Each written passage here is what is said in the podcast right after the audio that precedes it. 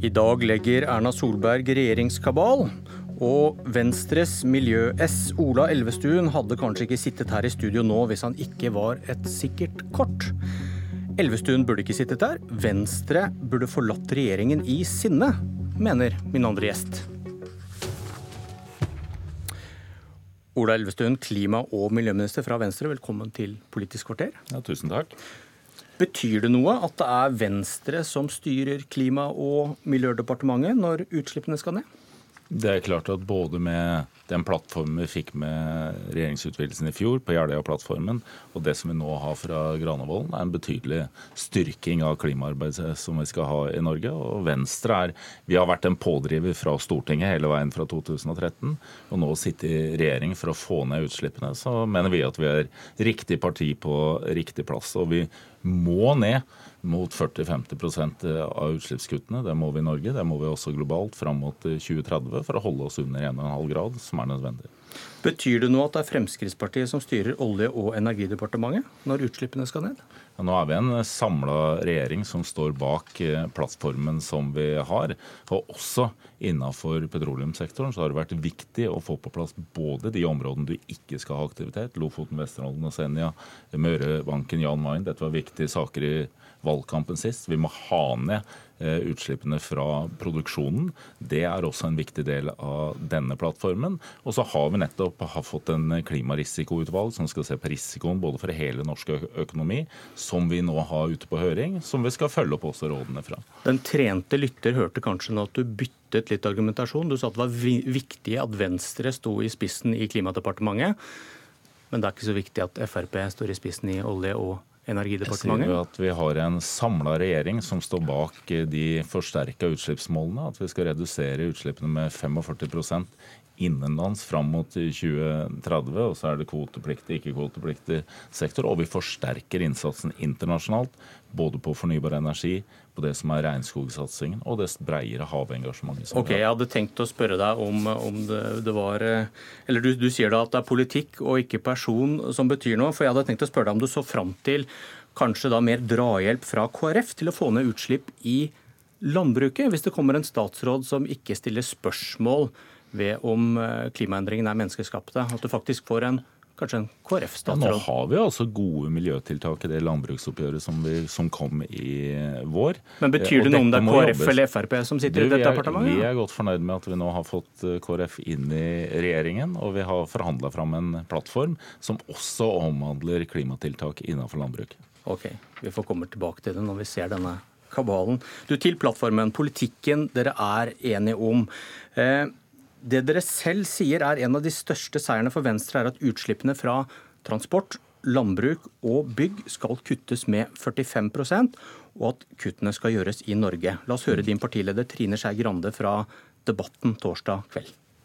Det vi gjør, det er at vi sier at vi skal gjøre dette innenlands. Det er det som er det store grepet som gjøres her. Alt innenlands? 45% skal tas innenlands. Djevelen er i detaljene, og det var en liten detalj Skei Grande ikke delte med oss her. En setning, nemlig denne fra plattformen. Om, streng, om strengt nødvendig kan fleksibiliteten i EUs rammeverk benyttes. På norsk betyr det det åpnes for at vi kan kjøpe kvoter istedenfor å kutte i Norge. Vi kan kjøpe oss fri. Var det dekkende det hun hevdet i debatten? Ja, ja, det er dekkende det som Trine hevder. For det, nå skjer det mange ting samtidig. Og vi har jo også nå en enighet med EU om at vi skal inn i hele deres system med de måltallene vi har for 2030. Eh, og innenfor det hvor det også er en fleksibilitet. Men det nye i dette er jo at vi skal ha som mål at vi skal ta hele utslippskuttet i Norge, og vi skal planlegge for det. Her sånn skal det legges fram også konkrete planer hvordan det skal gjennomføres i de ulike sektorene. Så dette er mye mer ambisiøst enn det du hadde også fra Jeløya, hvor vi skulle ta så mye som mulig i Norge. Her sånn setter vi et konkret mål, og vi setter også i gang det regjeringsapparatet det er behov for for å planlegge for å gjennomføre dette. Vil det være et brudd på plattformen hvis vi ikke klarer 45% kutt i Norge og kjøper kvoter for å oppnå målet? Hvis du ikke klarer Det er jo der forpliktelsen sammen med EU er. Dette er jo en styrke, for nå har vi da en forpliktelse. At vi har denne målsetningen. Den skal vi jobbe for å klare. Hvis vi ikke klarer det, så må du likevel sørge for at de samme utslippskuttene har vi ellers i Europa. Dette er jo nettopp fordelen med å ha et felles europeisk samarbeid igjen, som sikrer at utslippskuttene gjennomføres. Men igjen så tror jeg den trente lytter kanskje hørte at du ikke svarte helt på spørsmålet. Vil det være et brudd på plattformen hvis vi ikke klarer å kutte 45% i Norge? Å kjøpe kvoter for å oppnå dette målet? Når vi kommer til 2029, så er jo da du får denne avgjørelsen. Det vi nå setter i gang, er det konkrete arbeidet for å nå målet om å kutte med 45% Ja, men Svar, svar på spørsmålet. Vil det, være, vil det, være, et brudd på plattformen ja, hvis du ikke klarer det, ja, da, om å kjøpe kvoter? Da når vi ikke dette målet som er satt i plattformen. Og da må du kjøpe den, kvoter? Ja, da, ja, og det er helt riktig å gjøre. Fordi ja. Da må du sørge for at de utslippskuttene tas ellers i Europa. Det er en del av det fellesskapet som vi har, sånn at vi sørger for at de felles utslippskuttene kommer. Men da var det ikke helt riktig det Trine Skei Grande sa i debatten. Jo, Alt skal tas i Norge. Ja, men... Fordi hvis dere ikke klarer det, så skal dere kjøpe kvoter. Ja, og Det er en forpliktelse som forsterker denne plattformen. Det er helt feil å bruke det som om det er noe negativt. Okay. Det, denne, det regjeringen gjør, er at vi setter nå i gang dette arbeidet for å kutte 45% og planlegge for det. 50% kutt innenfor innenriks sjøfart, 50% kutt innenfor det som er transportsektoren. Ingen andre land i verden har et breiere tiltakspakke på disse feltene enn det Norge har. Ingen land i verden gjennomfører i dag mer innenfor transport enn det Norge gjør. Når du har en elbilrevolusjon, over 30% av salget i fjor var rene elbiler. Når du har mer enn 70 el- og nullutslippsferger på vei inn i systemet for å tas i bruk, på område etter område ligger vi i front. Den skal forsterkes for å nå bålet med 45 kutt. Og at det er greit å kjøpe kvoter hvis vi klarer, det er noe litt annet enn det Trine Skei Grade hevdet i ja, debatten? Det er en del av enigheten med EU. Nå får vi breiere måltall. Ja, og med de andre regjeringspartiene. Ja, dette, dette, er en del at vi kommer få denne enigheten med EU, forsterker klimapolitikken. For det første får vi, vi, blir, vi ettergås mer i hva vi leverer på. Vi leverer ikke da bare på utslippshus, da er det også arealbruksendringer, andre områder hvor du også må levere utslippskutt på. Det gir en sterkere forpliktelse og, eh, og er en riktig Eh, riktig enighet og viktig enighet som vi har med EU. Ok, Kari Elisabeth Kaski fra SV, din partileder Lysbakken, han sa i helgen Grande later som de har fått gjennomslag for å gjøre masse klimakutt i Norge, mens hun i realiteten åpner for å la kvotekjøp i Øst-Europa gjøre jobben for henne. Du hører Elvestuens versjon her. Hva tror du Høyre og Frp ønsker med dette? Nei, øh, det vi jo eh, ser, er at vi har fått en plattform som egentlig er svakere enn det Jeløya-erklæringa også var. Det er også det miljøbevegelsen slår entydig fast. Men vær konkret på dette her. Ja, jeg skal være konkret. La oss ta det overordna først. For å klare å holde eh, klimaendringene under 1,5 grader, som i seg sjøl vil være ille nok, så må verdens land, og Norge inkludert, halvere de totale utslippene innen 2030. Så mye er det snakk om, og så kort tid har vi på oss. det som ligger inne i plattformen, er um, at man skal kutte 45% i transport, bygg og landbruk. Altså ikke alle utslippene i Norge, men i transport, bygg og landbruk um, innen 2030. Men man åpner for at man også da kan kjøpe kvoter for å nå det målet. Det betyr at vi vet ikke med denne plattformen hva de norske utslippene vil være i 2030. Vi vet rett og slett ikke. Og det gir et ganske dårlig styringssignal til politikken som skal føres her i Norge. Og når du fyller på også alle de punktene som handler om vurderinger og utredninger og planer som ligger i plattformen, istedenfor å bare komme i gang, så er det ikke et veldig lyst bilde. SV kjefter på, på Elvestuen her for å la det være en åpning for å kjøpe kvoter hvis man ikke når målet. Hva, hva gjorde regjeringen SV satt i? Vi var en del av Kyoto-avtalen. Eh, og, og i den så lå det også kvotekjøp. og Det er jo nettopp på bakgrunn av de erfaringene vi advarer så sterkt mot den avtalen som vi er i ferd med å gå inn Men dere, dere kjøpte EU. dere fri og, akkurat som Elvestuen og, og, og, gjør nå? Derfor så stemte SV imot at vi skulle gå inn i denne, disse forhandlingene med EU som har pågått i mange år nå, uten at vi har fått slått fast konkret hva vi skal kutte i Norge. Men det den rød-grønne regjeringa gjorde, det var at vi satte et konkret mål for 2020 om utslipps, utslippskutt i Norge.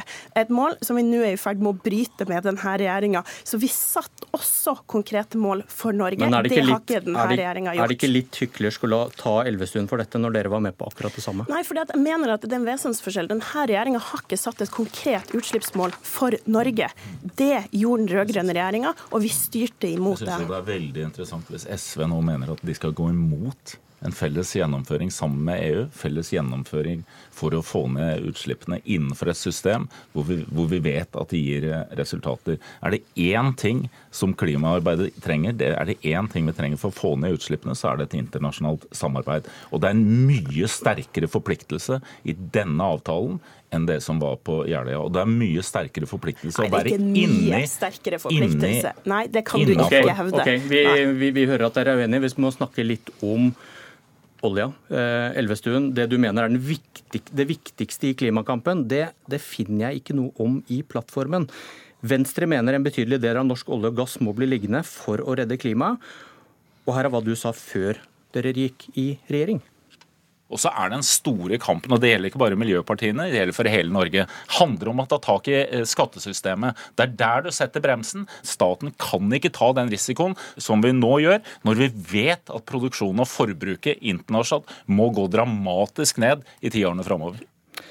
Venstre mener skattesystemet for oljenæringen fører til kunstig høy og potensiell ulønnsom leting og utbygging av nye oljefelt. Og du har tidligere svart at dette skal vi komme tilbake til når Klimarisikoutvalget har jobbet ferdig. Nå er de ferdig, men fortsatt står det ingenting om dette som var det aller viktigste. Ja, og det Klimarisikoutvalget leverte en veldig viktig rapport som viser at klimaendringer internasjonalt vil få stor betydning for Norge. og Den viser også at tiltakene internasjonalt for å få ned utslippene gir også utfordringer i Norge. Nå er denne ute på høring, og vi også i plattformen sier at vi skal følge opp de rådene som kommer fra Klimarisikoutvalget. til, til, det, til det, Klimarisikoutvalget. I Jeløya-erklæringen, den forrige plattformen, står det følge opp innstillingen fra, fra Klimarisikoutvalget. Nå står det vurdere å følge opp anbefalingene og vurderingene fra Klimarisikoutvalget. Svakere formuleringer.